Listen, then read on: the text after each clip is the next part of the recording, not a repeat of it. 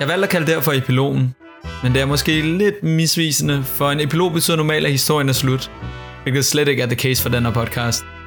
For først og fremmest skal vi jo tale meget mere om samtykke. Der er flere vinkler og flere historier, som kan introduceres. Derudover er der også en masse relevante emner, som vi ikke engang har rørt ved endnu. For eksempel bystanderadfærd, som dækker over, hvordan man reagerer, hvis man ser noget krænkende eller grænseoverskridende, når man er i byen for eksempel. Der er også et emne som seksualundervisning, og hvilken rolle det kan have.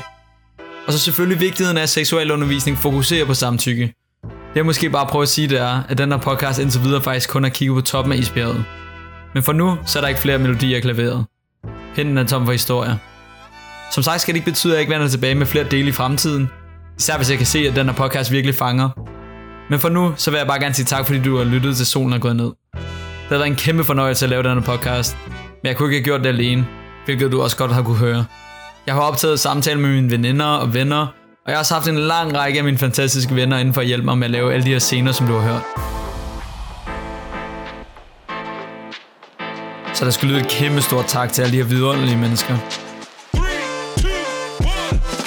Jesper Nørgaard Modvig, Lene Stavngård, Adam Ledu Axelsen, Jakob Prong Voldrup, Benedikte Bars Broen, Jonathan Ibsen, Jeppe Arne Jensen, Mikkel Rabeck, Silas Trier Madsen, Nikolaj Bressendorf Jacobsen, Victor Gary Osmund, Ulrika Celine, Esben Wolf Andreasen, Emil Kosmos Tanning, Nicoline Rose Deva, Christian Parmobur og min bror, Ashwa Kili Katibi, og sidst men ikke mindst, min fantastiske fætter, Bobak Vakili.